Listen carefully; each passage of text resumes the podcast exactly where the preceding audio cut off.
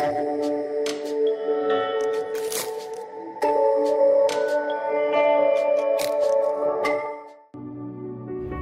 kabar?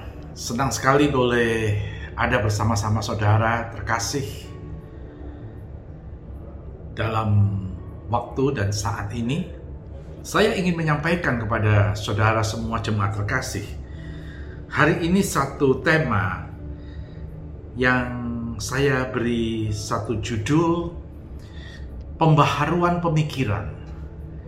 Mind renovation. Pembaharuan pemikiran Kata ini mungkin sudah tidak asing bagi saudara-saudara terkasih. Mind renovation ini berbicara tentang seperti apa yang sebenarnya saudara dan saya harus lalui di hari-hari yang seperti ini. Karena menghadapi situasi yang sulit saat ini, dibutuhkan satu pengembangan satu langkah yang berbeda dari yang sebelumnya kita pernah lakukan bersama. Saya suka memberikan atau menamainya dengan kata perubahan, changes. Karena musim perubahan Tuhan itu sendiri juga diletakkan dalam situasi-situasi yang sebenarnya sulit seperti yang hari-hari ini saudara dan saya alami adalah krisis.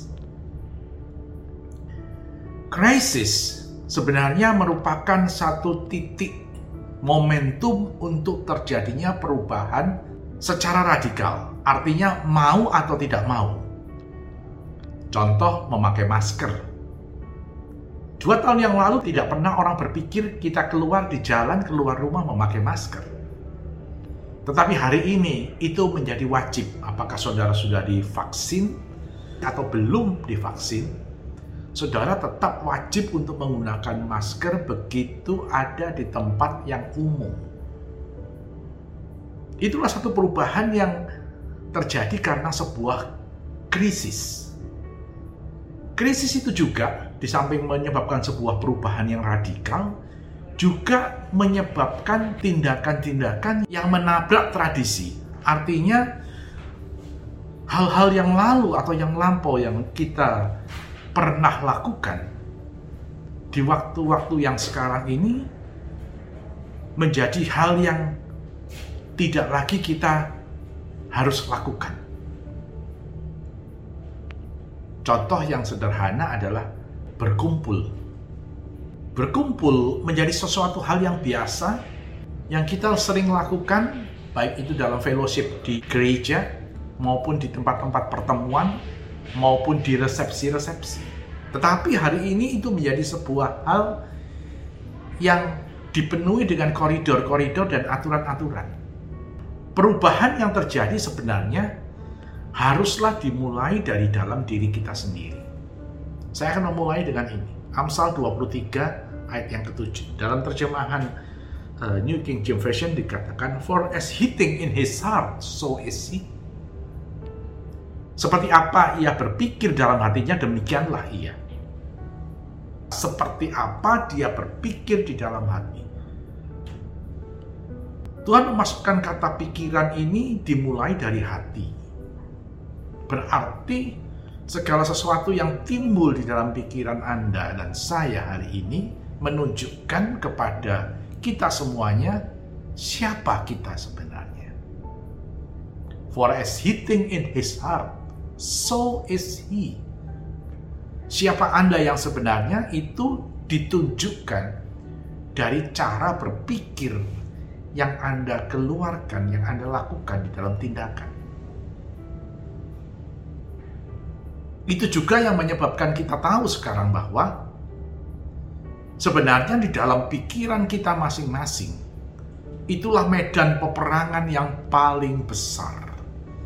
Pertempuran di antara diri kita sendiri itu bukan di dalam hati kita, tapi medan pertempuran itu ada di dalam pikiran kita. Karena dari pikiran kita maka kita akan melakukan atau mengaktualisasi tindakan-tindakan yang akan kita lakukan atau kita kerjakan. For as he think in his heart, so is he. Kita bisa melihat setiap tindakan itu yang dimulai dari cara berpikir seseorang. Kalau pikiran kita ini tidak pernah diperbarui, kalau pikiran kita ini masih tetap berpikir dengan cara yang lama, maka bagaimana kita bisa menjadi terang supaya mereka di luar sana melihat perbuatanmu yang baik dan memuliakan Bapa di surga. Matius 5, 16. Supaya mereka yang di luar sana melihat sesuatu yang baik dari dalam diri kita. Mereka tahu bahwa di dalam diri kita ada sesuatu yang terus terus terus terus terus berjenjang diperbaiki secara spirit. Kita masuk di dalam sebuah tatanan-tatanan yang excellent spirit, mulai dari yang sekedar biasa sampai dengan excellent. Kalau tidak terjadi perubahan itu sendiri, bahkan di tengah krisis yang seperti ini, maka orang di luar sana tidak akan pernah menoleh kepada kita lagi. Orang di luar sana akan menganggap bahwa saudara dan saya, orang Kristen adalah orang-orang yang nomor sekian. Kenapa? Karena mereka tidak melihat terang yang di dalam kita. Terang itu akan bersinar ketika talenta yang Tuhan percayakan itu dikerjakan secara maksimal. Seperti orang yang menerima satu talenta, dua talenta, atau lima talenta Justru orang yang punya talenta banyak, yang talenta, bertalenta lima, mengerjakan dengan baik. Orang yang merasa talentanya sedikit, justru dia menyimpan. Kenapa? Karena dia ingin aman, rasa aman. Rasa aman ini adalah salah satu cara yang paling menghambat terjadinya perubahan. Rasa aman itu atau mencari keamanan buat diri sendiri adalah cara yang membuat saudara dan saya tidak mampu untuk mengaktualisasi diri melalui media-media pelayanan, melalui media-media teknologi, melalui media-media kehidupan yang ada di depan kita untuk saudara dan saya bisa kerjakan. Justru ketika kita punya talenta dan Tuhan tahu dan mempercayakan talenta itu kepada kita. Justru di musim-musim krisis seperti ini, Tuhan mau kita beradaptasi lebih cepat, one step ahead, satu langkah ke depan akan membuat kita mampu untuk looking forward, melihat ke depan, masa depan. Karena saya percaya bahwa masa depan itu sungguh ada dan pengharapan di dalam Tuhan tidak pernah mengecewakan. Artinya Tuhan tidak pernah berdiri di belakang kita. Justru segala sesuatu yang menghambat itu ada di belakang kita. Saya tidak tahu hari ini apakah masih ada hambatan-hambatan yang terjadi melalui krisis-krisis yang sedang terjadi ini di dalam diri saudara. Hambatan itu rasa benci, rasa ketakutan, traumatik atau sesuatu. Tapi itu yang masih menjadi masa lalu kita Paulus dengan jelas dan tegas mengatakan, "Aku melupakan apa yang ada di belakangku." Segala sesuatu yang ada di belakang kita itu, baik yang pahit, baik yang ketir, maupun yang terlalu manis, itu adalah hal-hal memori kenangan yang sering kali acap kali membuat kita terhalang untuk mengalami perubahan. Kita lebih suka untuk mengingat segala hal yang terjadi di belakang kalau hal-hal itu yang amat sangat menyenangkan atau amat sangat membanggakan, maka itu seolah kita bawa terus kenangan masa lalu yang membanggakan itu yang menjadikan kita merasa kita punya satu nilai. Padahal Tuhan menjadikan segala sesuatu indah pada waktunya. Ada musim-musimnya, ada musim-musim perubahan Tuhan yang selalu dan acap kali terjadi, seperti di musim pandemi ini. Karena itu Roma 12 ayat yang kedua berkata, janganlah kamu menjadi serupa dengan dunia ini. Jangan ikuti perubahan yang sepertinya krisis terjadi ini. Jangan terus merasa takut dan kecewa karena krisis. Tetapi berubahlah oleh pembaharuan budimu. Roma 12 ayat 2. Sehingga kamu dapat membedakan manakah kehendak Allah, apa yang baik, yang berkenan kepada Allah, dan yang sempurna. Saya tidak akan membahas tentang uh, tentang metamorfo, tentang perubahan itu sendiri. Yang saya ingin bahas adalah tentang kata renew, pembaharuan. Pembaharuan. Kata pembaharuan itu atau renewing itu dalam bahasa Yunani adalah anakainosis. Makna kata anakainosis seperti yang disampaikan Rasul Paulus ini paling tidak ada tiga. Yang pertama adalah renovation. Renovation itu memperbaiki, perbaikan.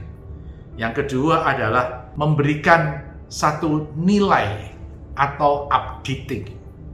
Updating, menambahkan lagi.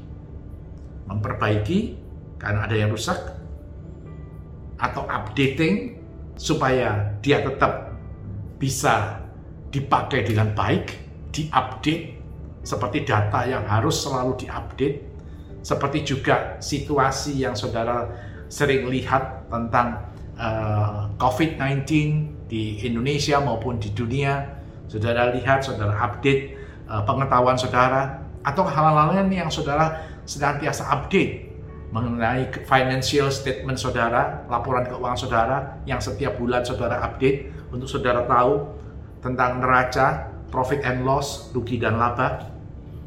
Itu semuanya membutuhkan updating.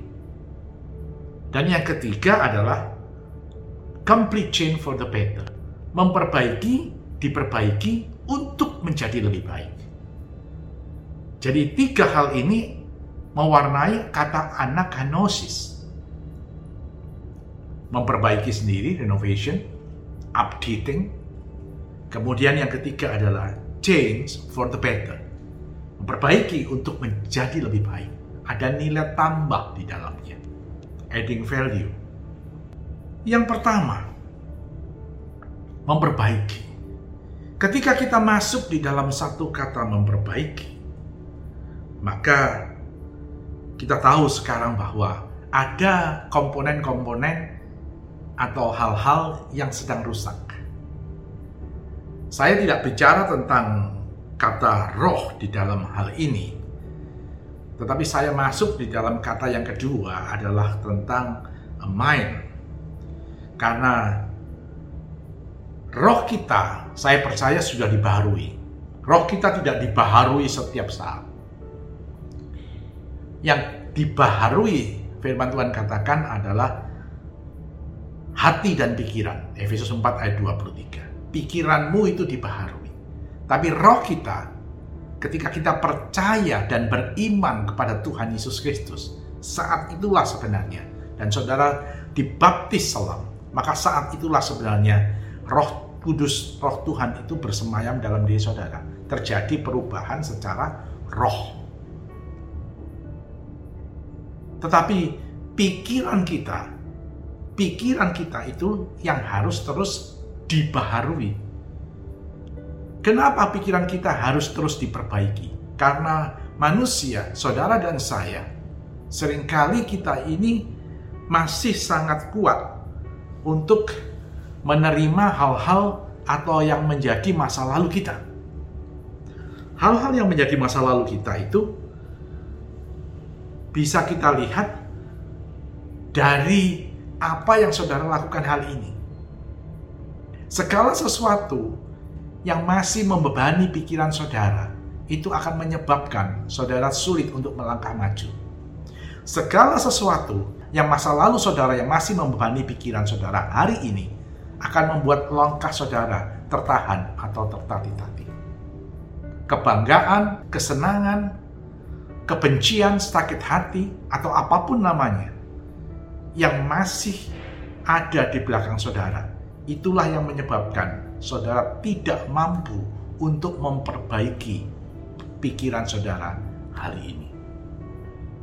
Segala hal yang saudara lakukan sebelum masa pandemi itu yang masih menjadi bayang-bayang sampai hari ini. Itulah yang menjadi penghalang untuk sebuah kemajuan.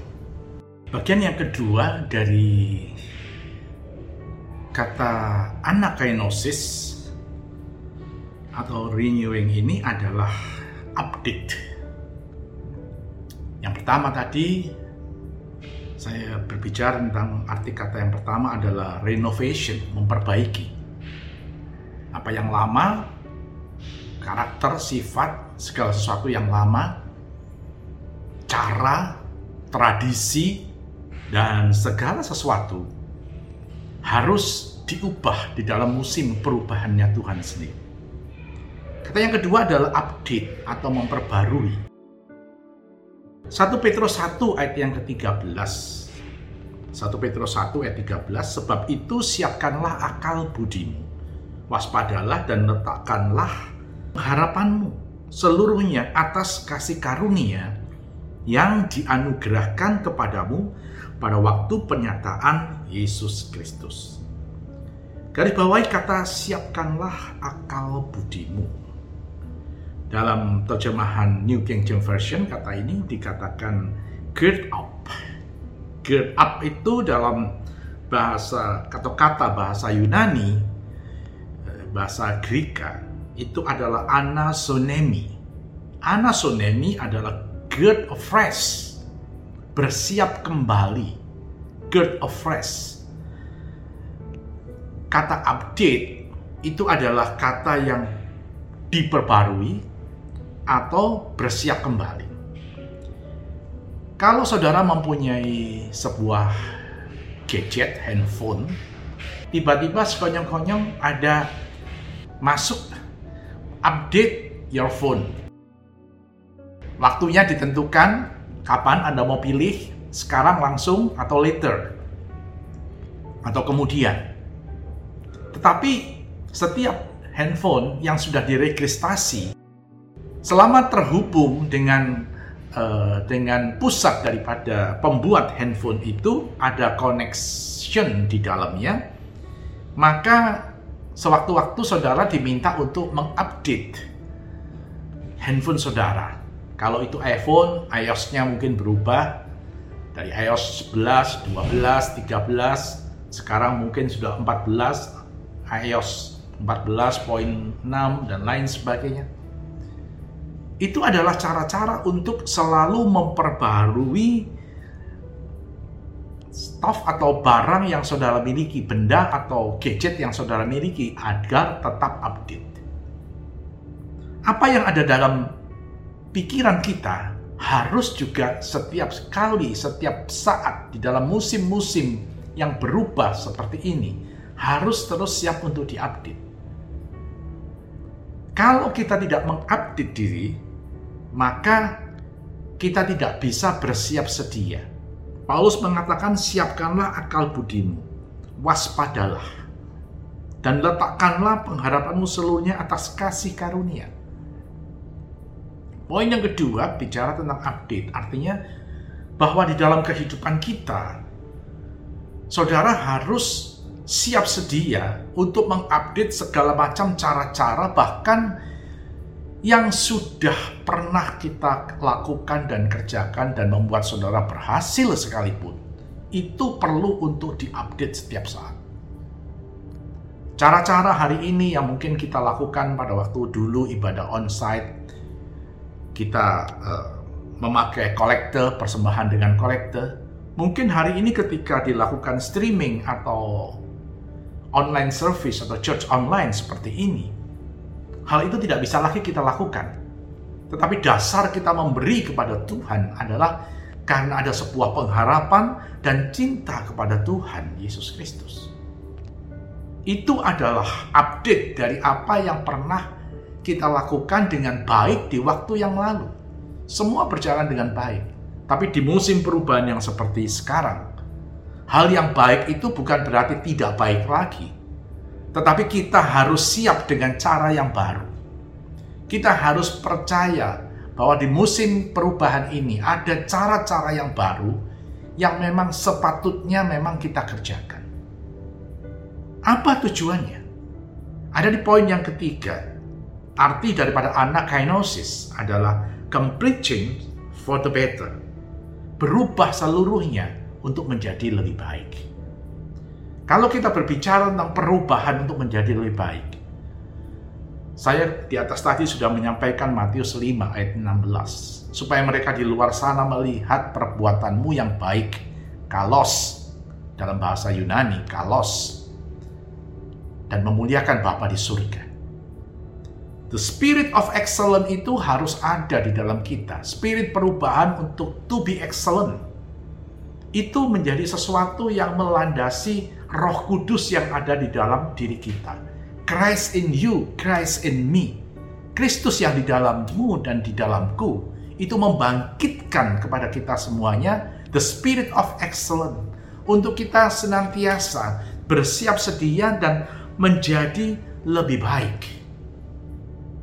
Sehingga ketika terjadi perubahan-perubahan, kita tidak menjadi bagian yang dingin atau mundur karenanya, tapi kita tetap fight kita tidak menjadi dingin atau mundur di dalam segala tata cara yang baru, di dalam segala uh, ekosistem kehidupan yang baru, di dalam tata cara teknologi yang baru, tetapi kita tetap aware, bersiap sedia di dalam segala situasi untuk tetap maju, looking forward, melihat ke depan. Karena sesungguhnya Yesus Kristus Tuhan tidak pernah berdiri di masa lalu kita.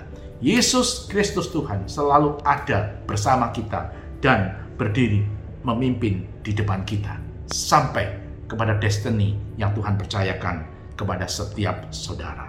Haleluya. Mari kita lihat sekarang.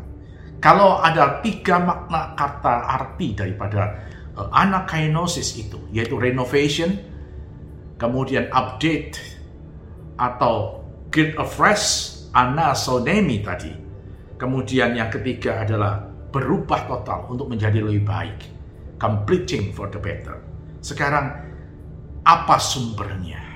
Bagaimana saudara harus bersikap supaya kita tidak tertinggal di dalam segala perubahan yang terjadi di musim perubahan Tuhan yang seperti hari-hari ini.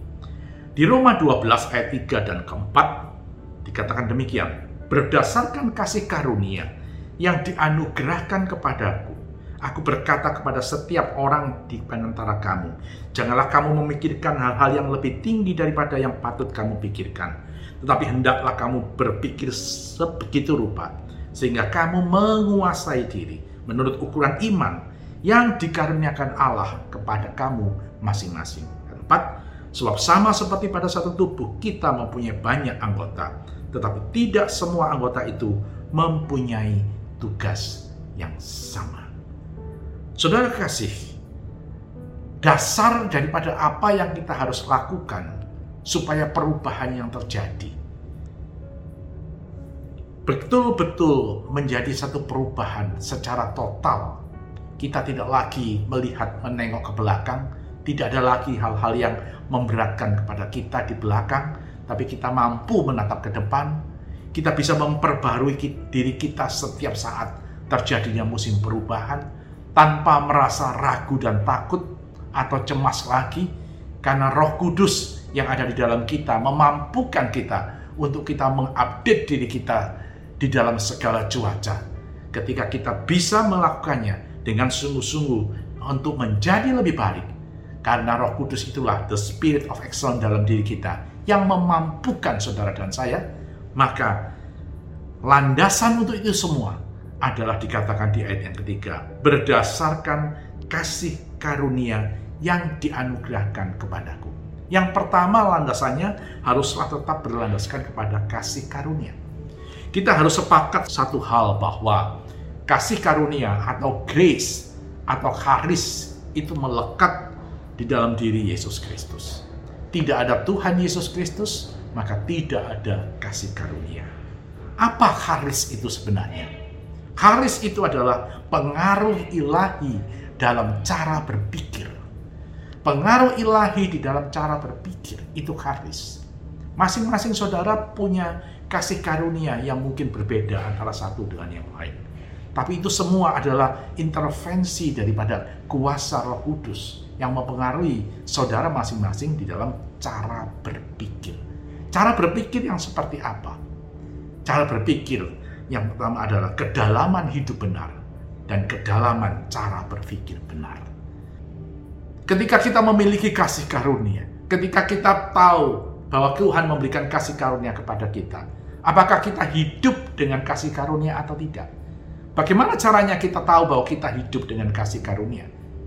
Kalau saudara tahu gadget tadi, maka bisa setiap saat diupdate oleh pihak produsen daripada uh, gadget tersebut, entah itu dari Apple, entah itu dari Samsung, atau dari yang lain sebagainya, maka satu-satunya adalah koneksi itu harus tetap terbangun. Kita tidak bisa membiarkan hidup kita tanpa koneksi dengan si empunya kehidupan, yaitu Tuhan sendiri.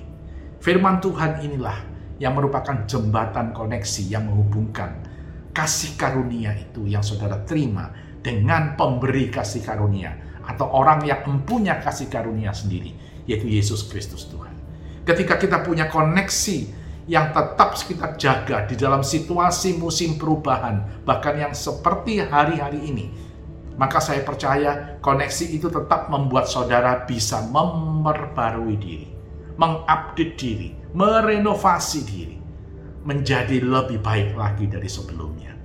Tidak ada satu musim perubahan di mana Tuhan tidak membawa kita menjadi lebih baik dari yang sebelumnya.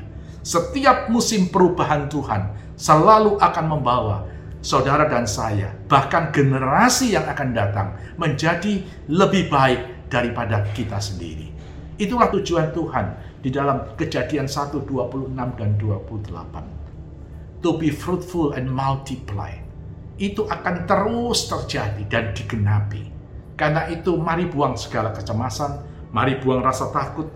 Mari buang segala hal yang menghalangi kita untuk maju ke depan. Ada orang-orang muda yang Tuhan akan memberikan satu kepercayaan yang bahkan lebih daripada saya. Lebih daripada kepemimpinan saudara. Dan Tuhan akan menyiapkan mereka di musim-musim perubahan yang bahkan menurut ukuran kita sangat menakutkan. Tetapi Tuhan tahu dan Tuhan memberikan cara-cara yang berbeda. Kenapa? karena kasih karunia sepenuhnya adalah milik Tuhan. Injil Yohanes 1 ayat 16-17. Karena dari kepenuhannya kita semua telah menerima kasih karunia demi kasih karunia. Bukan hanya sekali. Berarti kasih karunia itu diberikan bukan hanya untuk generasi kita, tapi untuk generasi yang akan datang. Generasi orang-orang muda yang ada di depan kita. Dari apa? Dari kepenuhan Kristus. Kalau hidup kita koneksi kita tetap terjaga dengan kepenuhan daripada Kristus sendiri, maka kasih karunia itu akan berlanjut. Kasih karunia itu akan terus diwariskan kepada generasi yang akan datang. Bahkan semakin hari semakin luar biasa. Itulah Tuhan kita. 17 sebab hukum Taurat diberikan oleh Musa, tetapi kasih karunia dan kebenaran datang oleh Yesus Kristus. Saudara, yang pertama landasannya adalah untuk kita bisa masuk dalam anak kainosis adalah kasih karunia. Dan yang terakhir, landasan yang terakhir adalah berpikir tentang kepatutan. Di ayat yang ketiga, bagian B, janganlah kamu memikirkan hal-hal yang lebih tinggi daripada yang patut kamu pikirkan. Jangan berpikir lebih tinggi daripada apa yang patut kamu pikirkan, tetapi hendaklah kamu berpikir sebegitu rupa sehingga kamu menguasai diri menurut ukuran iman yang dikaruniakan Allah kepada kamu masing-masing. Ada satu standar untuk kita masuk di dalam memperbarui eh, masing-masing pikiran kita. Standarnya apa? Standarnya adalah berpikir menurut kepatutan. Dalam NKJV, terjemahan bahasa Inggris NKJV, dikatakan to think soberly. To think soberly itu artinya dalam kata aslinya bahasa Yunani adalah sophroneo. Sophroneo adalah to be of sound mind, berpikir sehat, pergunakan akal sehat. Berpikir sehat itu bukan berarti tidak berpikir lebih baik, tetapi berpikir dengan hikmat. Termasuk di dalamnya kata sophroneo itu artinya adalah to exercise self control. Melatih cara pengendalian diri. melatih cara pengendalian diri supaya kita mampu menyesuaikan diri untuk dengan kasih karunia yang dianugerahkan pada kita, kita berpikir apa yang sepatutnya kita lakukan atau kita kerjakan. Banyak hal yang saudara dan saya bisa lakukan. Saudara, kalau bangsa Israel harus mengalami sebuah perjalanan, sebenarnya jarak dari Mesir keluar masuk Israel tidak panjang. Cukup 14 hari, dua minggu sebenarnya mereka sudah harus bisa tiba. Tetapi karena ada sesuatu yang belum berubah, yaitu karakter mereka, maka dibutuhkan 40 tahun sampai satu generasi habis, baru mereka diizinkan masuk ke tanah perjanjian. Ada sesuatu yang harus diubahkan terus-menerus, dan Allah ingin itu terjadi dalam kehidupan bangsa Israel. Allah ingin itu terjadi dalam kehidupan saudara dan saya. Kalau terjadi situasi-situasi yang pandemi seperti ini yang belum selesai, ada sesuatu yang perlu dibangun, diperbaiki dalam diri kita masing-masing. Termasuk mempersiapkan mereka-mereka yang akan meneruskan alih kepemimpinan bagi generasi berikutnya. Itulah perubahan, itulah musim perubahan Tuhan. Kita tidak perlu takut, kita tidak perlu cemas. Mereka semuanya yang bergerak di musim-musim perubahan Tuhan sudah diberikan dasar kasih karunia demi kasih karunia dan juga diberikan kepatutan dalam cara berpikir. Think soberly, sophroneo. Itu akan membuat mereka mampu berpikir dengan akal sehat, pikiran sehat, dan juga melatih penguasaan diri to exercise self-control. Saya percaya kalau kita semuanya bersiap dengan ini, maka tidak ada sesuatu yang perlu lagi kita cemaskan. Kita harus selalu siap untuk looking forward. Keep looking forward. Satu langkah yang kita ambil ke depan, one step ahead. Artinya, saudara tetap akan menjaga sesuatu yang menjadi masa depan itu tetap ada dalam hidup saudara dan saya. Puji nama Tuhan, saya bersyukur boleh sampaikan firman Tuhan ini, kiranya kita semuanya dalam keadaan baik dan sehat. Tuhan Yesus memberkati kita semuanya. Haleluya. Amin.